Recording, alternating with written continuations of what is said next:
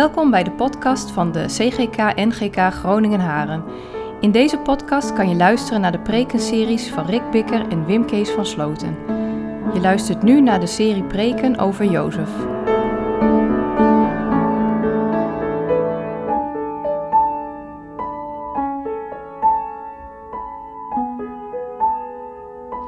Um, de vorige keer hebben we gelezen Genesis over uh, de ruzie met de broers. Die waren een uh, tikkeltje jaloers op elkaar. En um, die verkochten uh, Jozef en die werd als slaaf meegenomen door vreemde mensen. En dan gaan wij verder lezen in Genesis 39 en dan lezen we tot, tot en met vers 20. Jozef was dus door de Ismaëlieten meegenomen naar Egypte. En daar was hij gekocht door Potifar, een vooraanstaand man die tot de hovelingen van de farao behoorde en het bevel voerde over zijn lijfwacht. De Heer stond Jozef terzijde, zodat het goed met hem ging. Hij mocht in het huis van zijn Egyptische meester werken. Omdat zijn meester zag dat de Heer Jozef terzijde stond, en alles wat hij ter hand nam voorspoedig liet verlopen, was hij Jozef goedgezind. Hij maakte hem tot zijn persoonlijke bediende.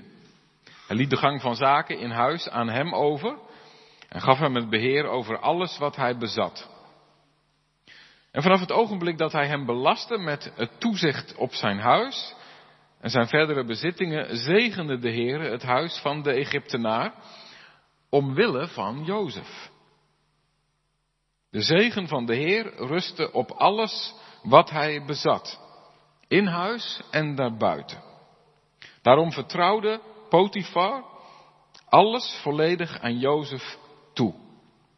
Nu Jozef was, bekommerde hij zich alleen nog maar om wat hij te eten kreeg. Jozef was knap en aantrekkelijk. Na verloop van tijd liet de vrouw van zijn meester haar oog op hem vallen. Kom bij me liggen, zei ze. Maar dat weigerde hij. Sinds ik hier ben, zei hij, maakt mijn meester zich geen zorgen meer over wat dan ook hier in huis. En hij heeft mij het beheer gegeven over al zijn bezittingen. Ik heb hier evenveel gezag als hij. En hij heeft mij niets onthouden, behalve u, omdat u zijn vrouw bent. Hoe zou ik dan zo'n grote wandaad kunnen begaan en zo kunnen zondigen tegen God? Dag in dag uit probeerden ze Jozef over te halen. Maar hij gaf niet toe. Hij wilde niet bij haar gaan liggen.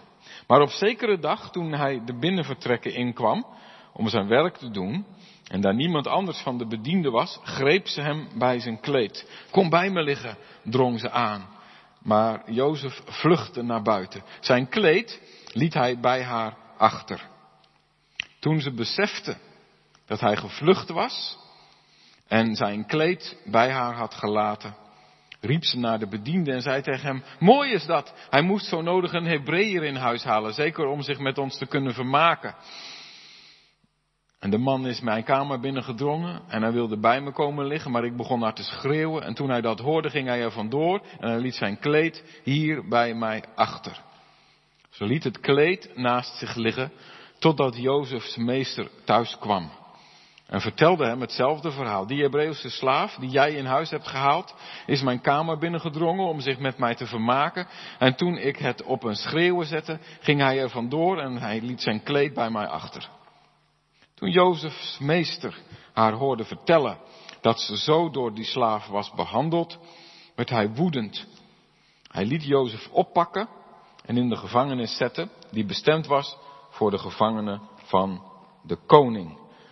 Zo kwam Jozef in de gevangenis terecht. Tot zover het lezen uit het woord van God. Straks willen wij na de preek samen zingen het uh, lied van Leland, Waymaker. Dat hebben we al eens eerder gezongen dit seizoen. Het is een Engels lied, maar de Nederlandse tekst komt er ook bij. En het gaat ook over dat God een weg voor ons baant.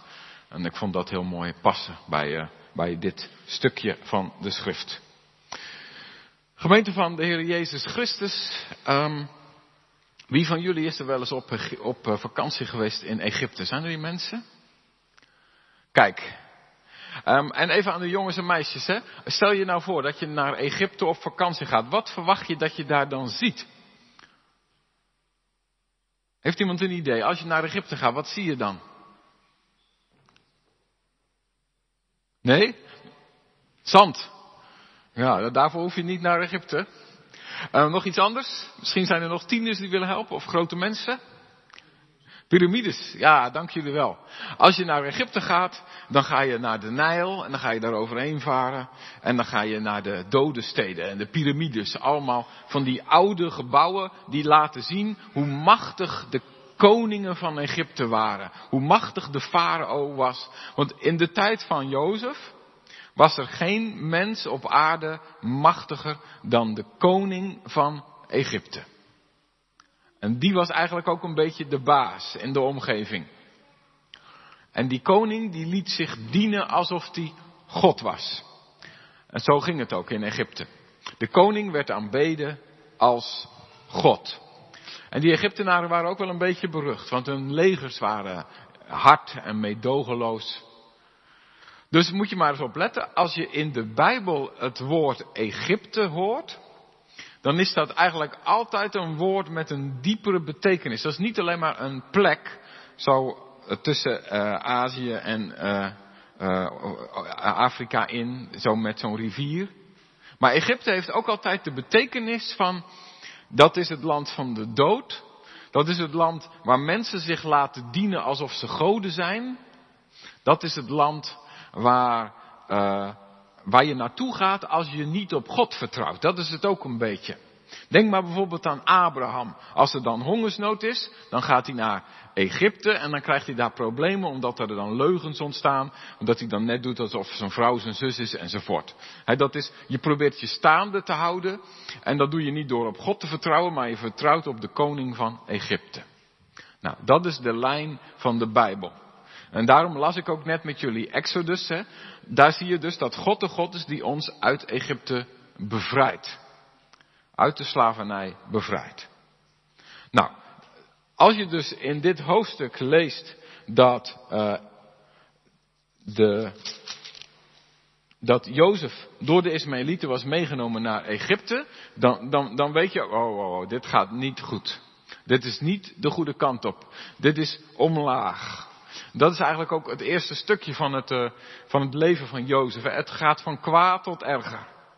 Je hebt eerst ruzie met je broers. Dan word je verkocht. Dan kom je uit in Egypte. En ja, daarna kan het eigenlijk in wezen niet beter worden. En nou, dat zie je dan ook, want uh, verderop in dat hoofdstuk staat. En zo kwam Jozef in de gevangenis terecht. Dat is eigenlijk ook een beetje, je zou kunnen zeggen, dat is de titel van dit hoofdstuk. Zo kwam Jozef in de gevangenis terecht. Dus het dreigt alleen maar steeds gekker te gaan. En steeds erger te worden. In Egypte zitten is één ding, maar dan ook nog in de gevangenis zitten in Egypte. Nou ja, raarder kan het niet. Nou, dat is dus de weg van Jozef. Dat is de weg van Israël, die ook gevangen zit in Egypte.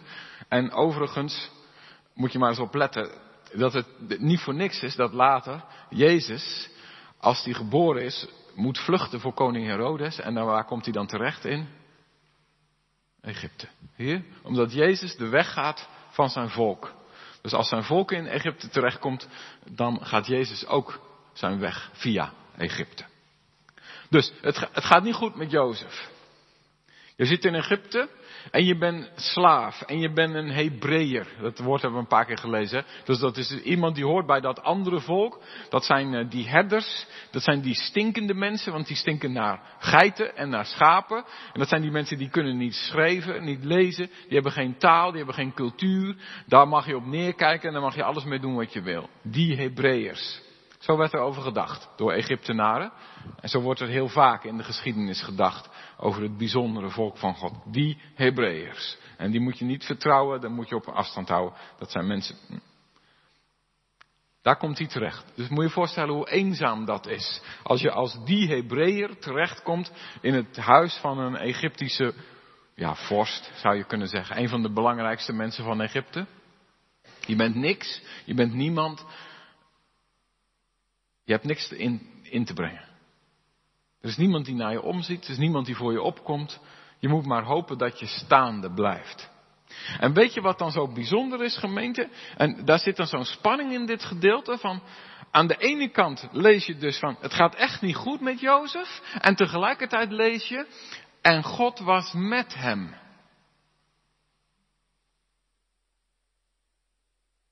Je zit in Egypte. Je bent een slaaf. Je bent een speelbal van iedereen die wat met je wil. En tegelijkertijd, God is met hem. Lees je de hele tijd. En het wordt nog meer, want er staat niet alleen God is met hem, maar er staat ook dat God hem zegent. En dat God uh, zijn werk zegent. En alles wat hij onderneemt, dat lukt. En het gaat steeds beter. En dus het gaat met Potifar, zijn eigenaar, zijn baas, gaat het hartstikke goed. Dat is apart, hè? Moet je maar eens even op letten. Dat, dus, dat er staat dat God bij je is en dat God met je is. En zelfs dat God je zegent. En tegelijkertijd dat er staat dat je zit in Egypte. De plek waar je niet wil wezen. Waar je niet hoort, waar je niet thuis bent. Waarvan je afvraagt, hoe kom ik hier? Ik denk dat de Bijbel heel expres die spanningen hier laat staan van, let er eens even op mensen. Van wij denken wel, oh, als God mij zegent, dan krijg ik alles wat ik hebben wil, dan gaat het op mijn manier. Als God bij me is, dan leidt hij mijn weg op zo'n manier dat ik het ook zelf snap. Bij Jozef niet.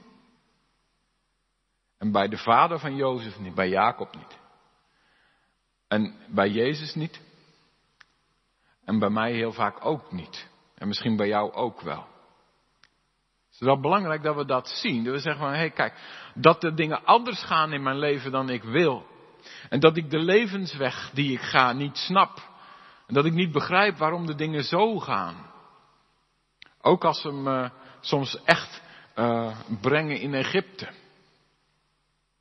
Dat wil niet zeggen dat ik dan moet concluderen, God is niet bij mij.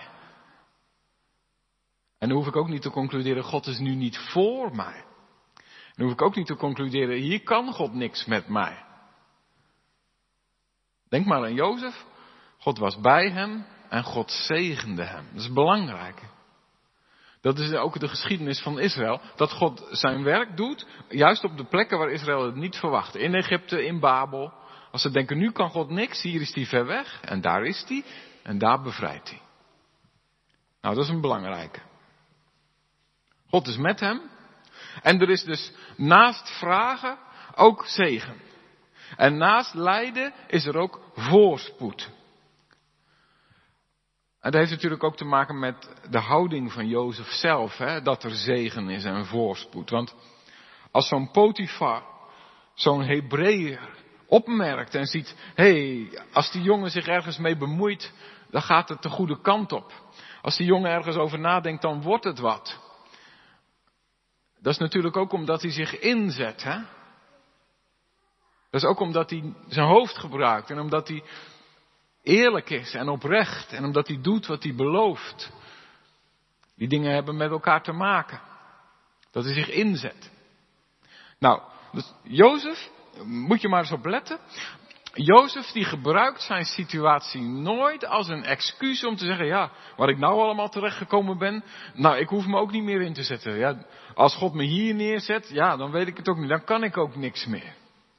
Moet je maar eens op letten, dat je ziet altijd bij Jozef inzet, aandacht, ook voor mensen om hem heen. Binnenkort gaan we lezen over dat hij in de gevangenis zit en dan vraagt hij aan de mensen in de gevangenis, wat kan ik voor jou doen? Kun je dit voorstellen? Je zit notabene in Egypte in de gevangenis. En dan kun je natuurlijk druk zijn met jezelf. Hoe is dit allemaal gebeurd? Waarom overkomt mij dit? Kom maar nu even niet aan met gezeur, want ik heb genoeg aan mijn hoofd. En Jozef die gaat vragen, hoe is het met jou? Kan ik wat voor je betekenen? Nou, ik heb een droom gehad. Nou, dan, komt, komen we de volgende keer nog wel op. Dat is Jozef. Dus die Potifar die ziet dat. Hey, als die Jozef, die slaaf, die Hebreeër zich ergens mee bemoeit, dan wordt het wat. En hij krijgt steeds meer verantwoordelijkheden. Hij mag slaaf zijn in het huis. Dus laten we zeggen niet op het land of in de stallen maar in huis. En op een gegeven moment dan heeft Potifar alles wat hij heeft overgelaten aan Jozef. Terwijl die toch lijfwacht is van de koning. Hè? Dus dan ben je eigenlijk een van de meest, uh, meest belangrijke vertrouwelingen van de belangrijkste man ter wereld. En Jozef mag alles wat hij Potifar heeft, mag hij organiseren. En er staat er dan zo mooi, hè? dat is zo heerlijk zinnetje, dat Potifar die denkt nergens meer over na, behalve dat hij zijn eten in zijn mond stopt. Dat is het enige waar hij nog over nadenkt. En verder hoeft hij niks te doen, want Jozef regelt alles. Leuk hè, zo'n zinnetje. Misschien, ik weet niet of u dat dan ook proeft, maar ik proef dan in zo'n zinnetje ook iets van, misschien dat Potifar zich ook wel een beetje te weinig nog druk maakt over alles. Misschien vind je het allemaal wel veel te makkelijk. En dan ontstaat er dus ook ruimte voor mevrouw Potifar, van wie we geen naam weten. Moet je maar eens opletten dat als in de Bijbel iemand geen naam heeft, dan vindt de Bijbel vaak ook wel wat van diegene. Als iemand geen naam heeft, dan zegt de Bijbel eigenlijk daarmee, diegene die is het niet waard om te onthouden. Want die doet zulke rare dingen, daar hebben wij een mening over. Dus laten we haar mevrouw Potifar noemen, want we weten het niet. bijvoorbeeld in Rut is er iemand, en daar vindt de Bijbel ook wat van, en die heet uh, zus en zo. Poloni Almoni. Dat, dat, wisten we heel lang niet hoe we dat moeten vertalen. Nou blijkt dat hij gewoon heet Dinges. Dat is ook zo een, hè? Dus dan weet je wel wat we ervan vinden. Dinges. Maar dus hier heb je mevrouw Dinges, mevrouw Potifar. En die mevrouw Potifar, die ziet dat ook, dat meneer Potifar, die maakt zich nergens meer druk over. En mevrouw Potifar, die laat haar oog vallen op die Hebreeën. En die vindt hem wel leuk. Ziet er goed uit. Goed gebouwd. En uh, ze laat niet één keer haar oog op hem vallen, maar ze laat vaker haar oog op hem vallen. En ze denkt ook over hem na als hij er niet is. En ze besluit dat ze hem wel wil. En dan zegt ze dat ook tegen hem. Kom bij me liggen, zegt ze. Verleiding. Ik vind dat zo geweldig, gemeente, hoe dan Jozef daarop reageert. Moet je eens voorstellen dat je dat gebeurt. Alle ruimte heb je. Want meneer Potifar, die maakt zich nergens meer druk over. Alleen maar hoe hij zijn eten in zijn mond kan krijgen. En verder let hij op niks. Plus hij is trouwens toch heel vaak weg. Want hij heeft zijn werk.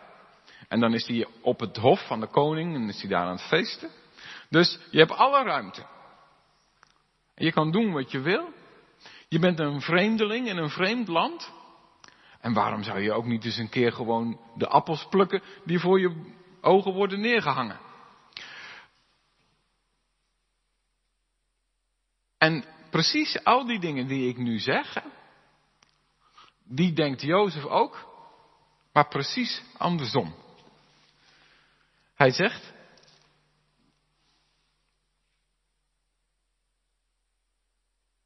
sinds ik hier ben, maakt mijn meester zich geen zorgen meer over wat dan ook hier in huis.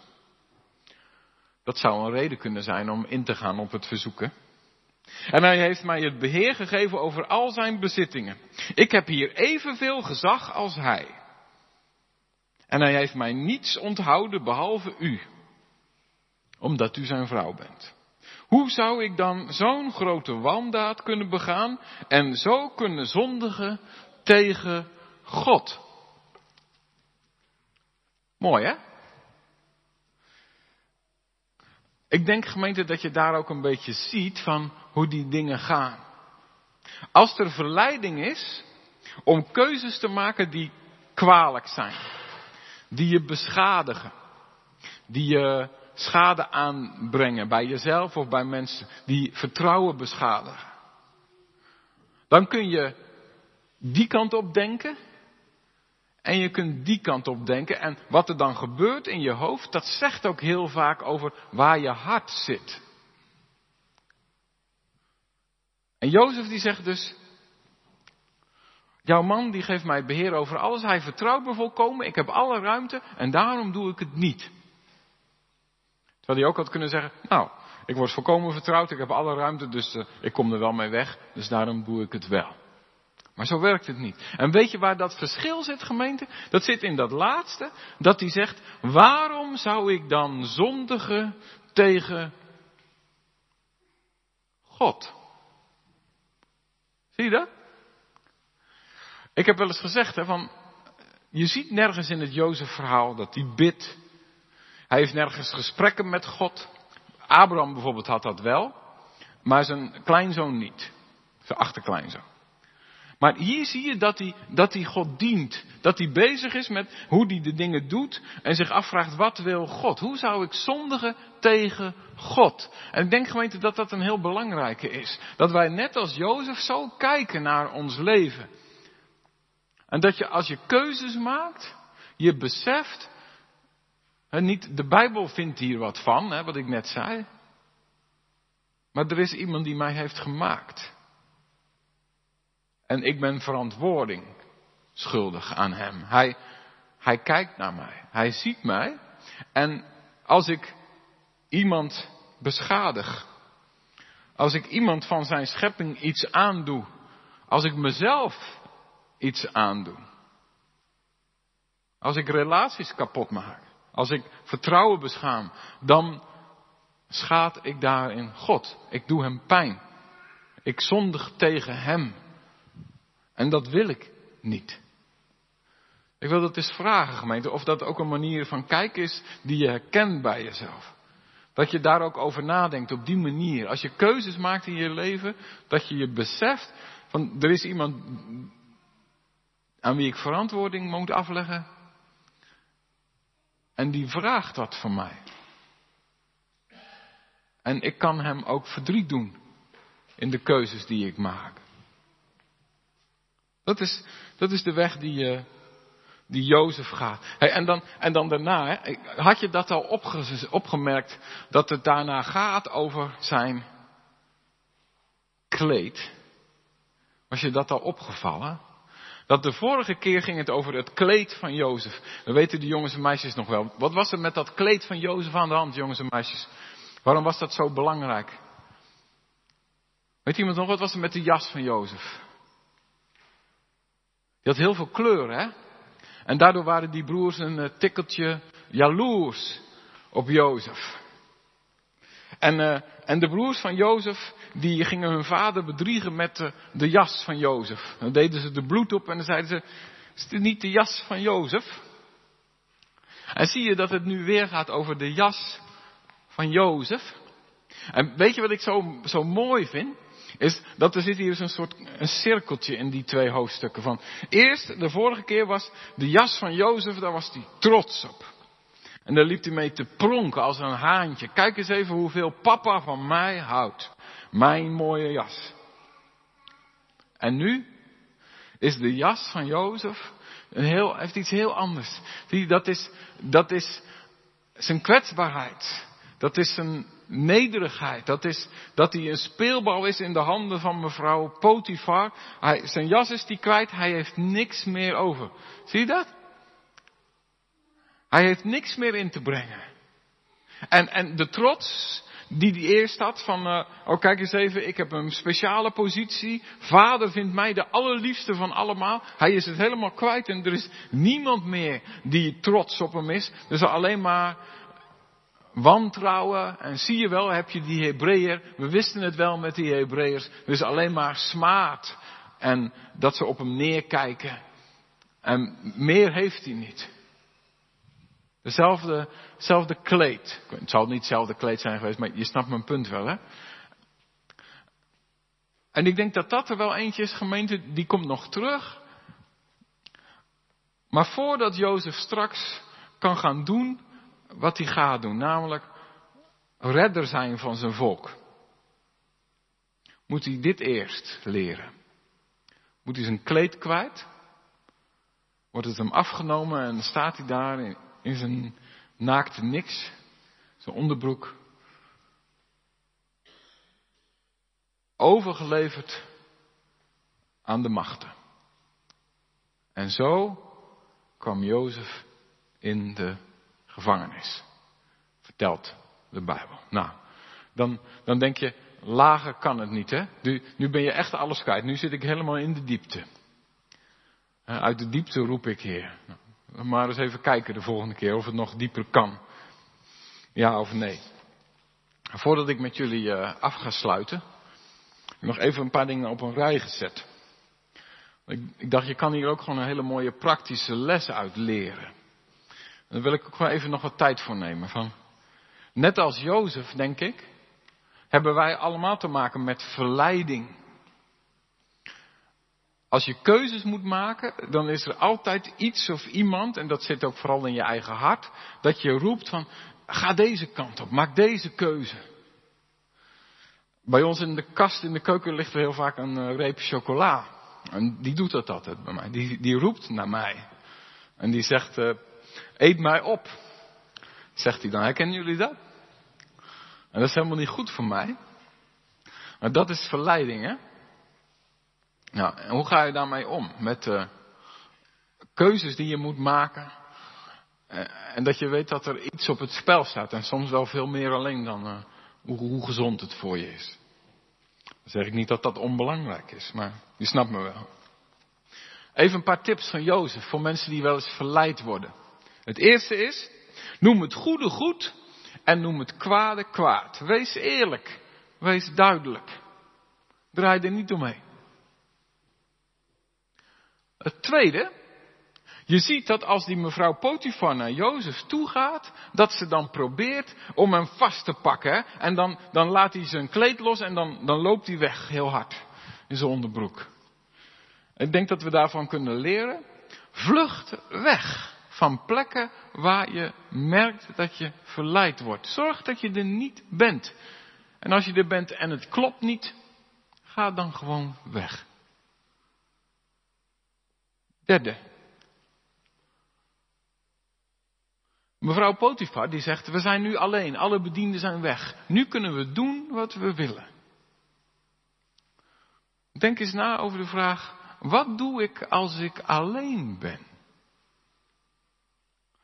En waar ik dan over fantaseer, waar ik dan over nadenk, dat geeft mij vaak heel duidelijk aan welke kant mijn hart op neigt. Besef dan ook, God weet het. De volgende is, denk eens na over je logica. Hoe redeneer je? Ik denk dat je het heel vaak wel herkent bij jezelf. Als je jezelf herkent, als je jezelf van die redeneringen oplegt. Van, ah, het is best wel, ik kan, kan natuurlijk best wel één stukje chocola nemen. Ken je die redenering? Ik hoef natuurlijk niet die reep helemaal op te eten, maar ik neem gewoon één stukje. Of uh, als je dan eigenlijk vindt dat dat ook niet moet, dan zeg je, weet je wat, ik maak hem alleen open en dan ruik ik er even aan. Je kent wel die redenering, hè? Ja, dus zorg dat je ze herkent. En, en de, de laatste is uh, Jozef, die kijkt naar hoe kan ik God dienen en hij kijkt niet naar wat het kost. Hij kijkt niet naar wat de gevolgen zijn. Als hij weet dat God het wil, dan doet hij het zo. Ook al levert hem dat op dat hij zijn kleed kwijtraakt en dat hij in de gevangenis terechtkomt.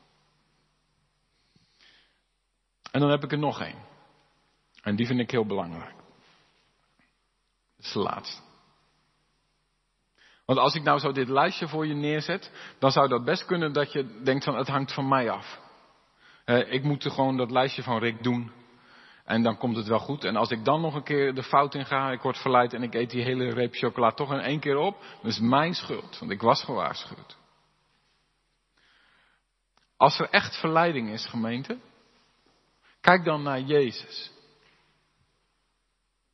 Het eerste wat de Bijbel zegt is, weet je dat Jezus dat voelde, dat hij dat ook heeft meegemaakt, dat Jezus weet wat het is om verzocht te worden. Dus jij hebt een heiland, je hebt een hoge priester, zegt de Hebreeënbrief, die net als jij weet wat het is om aangevochten te worden. En daarin staat hij naast je. Je mag ook aan hem vragen om kracht. En, en nog één, en die is ook heel belangrijk. En als het nou misgaat, hè, bij Jozef gaat het dan goed. Maar als het dan misgaat en je eet wel die reep helemaal in één keer op, of al die andere dingen die ik nu niet noem, maar waar je zelf misschien aan denkt. Ga dan naar Jezus. Als het mis is gegaan, laat je dan niet influisteren, nu wil God je niet meer hebben. Nu wil God je niet meer horen, nu wil God je niet meer zien. Dan naar Jezus. Het is fout gegaan. Ik wist het eigenlijk wel, want ik, ik had mezelf helemaal al toegestemd dat het zo zou gaan. En toch is het misgegaan en u ziet maar komen. En dan zegt hij, kom maar. Ik ben de weg voor jou gegaan. Ik ben gehoorzaam geweest tot het einde. En mijn gehoorzaamheid, die geef ik aan jou. Ik heb je lief. Kom bij mij. Er is voor jou vergeving, er is genezing, er is een nieuw begin, omdat ik je lief heb. Geloof je dat? En dat, dit stukje moet je er echt bij weten, gemeente. Want als het alleen maar afhangt van dat jij het goed genoeg doet, dan red je het niet. Dus kijk naar Jezus. Die weet van onze strijd. Die ons vergeeft. Die ons een nieuw begin geeft als we naar hem toe gaan. Zo brengt Jozef ons gelukkig weer bij Jezus. Dat doet hij elke keer. Amen.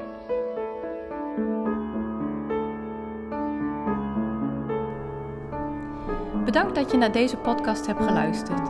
Wil je reageren? Stuur dan een e-mail naar podcast.cgk-gn.nl. Hopelijk tot de volgende aflevering.